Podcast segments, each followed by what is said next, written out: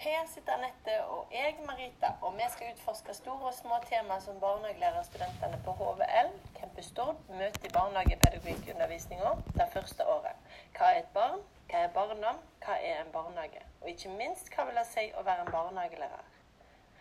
Ja, temaet i dag er jo da altså tilvenning i barnehagen. Eh, og dette har dere jo hatt om før i høst. Eh, litt grann da, i forhold til tilknytningsteori og sånn. Eh, men det som er litt spesielt med tilvenning, det er jo at eh, tidligere så hørte liksom det høsten til i barnehagen. Men nå foregår det jo hele året. Og derfor så er det jo ekstra viktig å ha god kunnskap på dette med tilknytningsteori.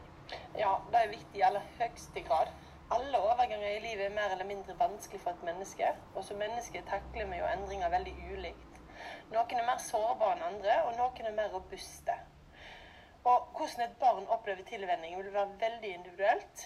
Men jeg skal ikke undervurdere at å begynne i barnehagen kan være en stor utfordring. Fordi du da forlater noe, noe, og så skal du inn i noe nytt. Og mange barn har kanskje bare vært i relasjon med foreldrene i det første leveåret sitt, og plutselig så skal de være en av flere i ei gruppe hvor det er ikke en voksen per barn. Ja, og her melder jo tilknytningsteorien da seg for alvor, tenker jeg. Eh, for det er jo ofte at en opplever i en tilvenning eh, at barn rett og slett er utrygge i starten når de kommer i barnehagen. Eh, men hva er nå egentlig tilknytning da, Marita? Altså, tilknytning beskriver utviklingen av følelsesmessige, eller på fagspråket ville vi sagt emosjonelle bånd mellom mennesker.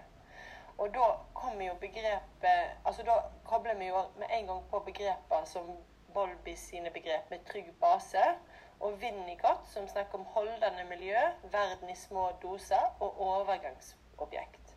Og andre begreper som er viktige, er mentalisering, mikroseparasjon, trygghetssirkelen og toleransevinduet. Og ikke minst livsmestringsbegrepet.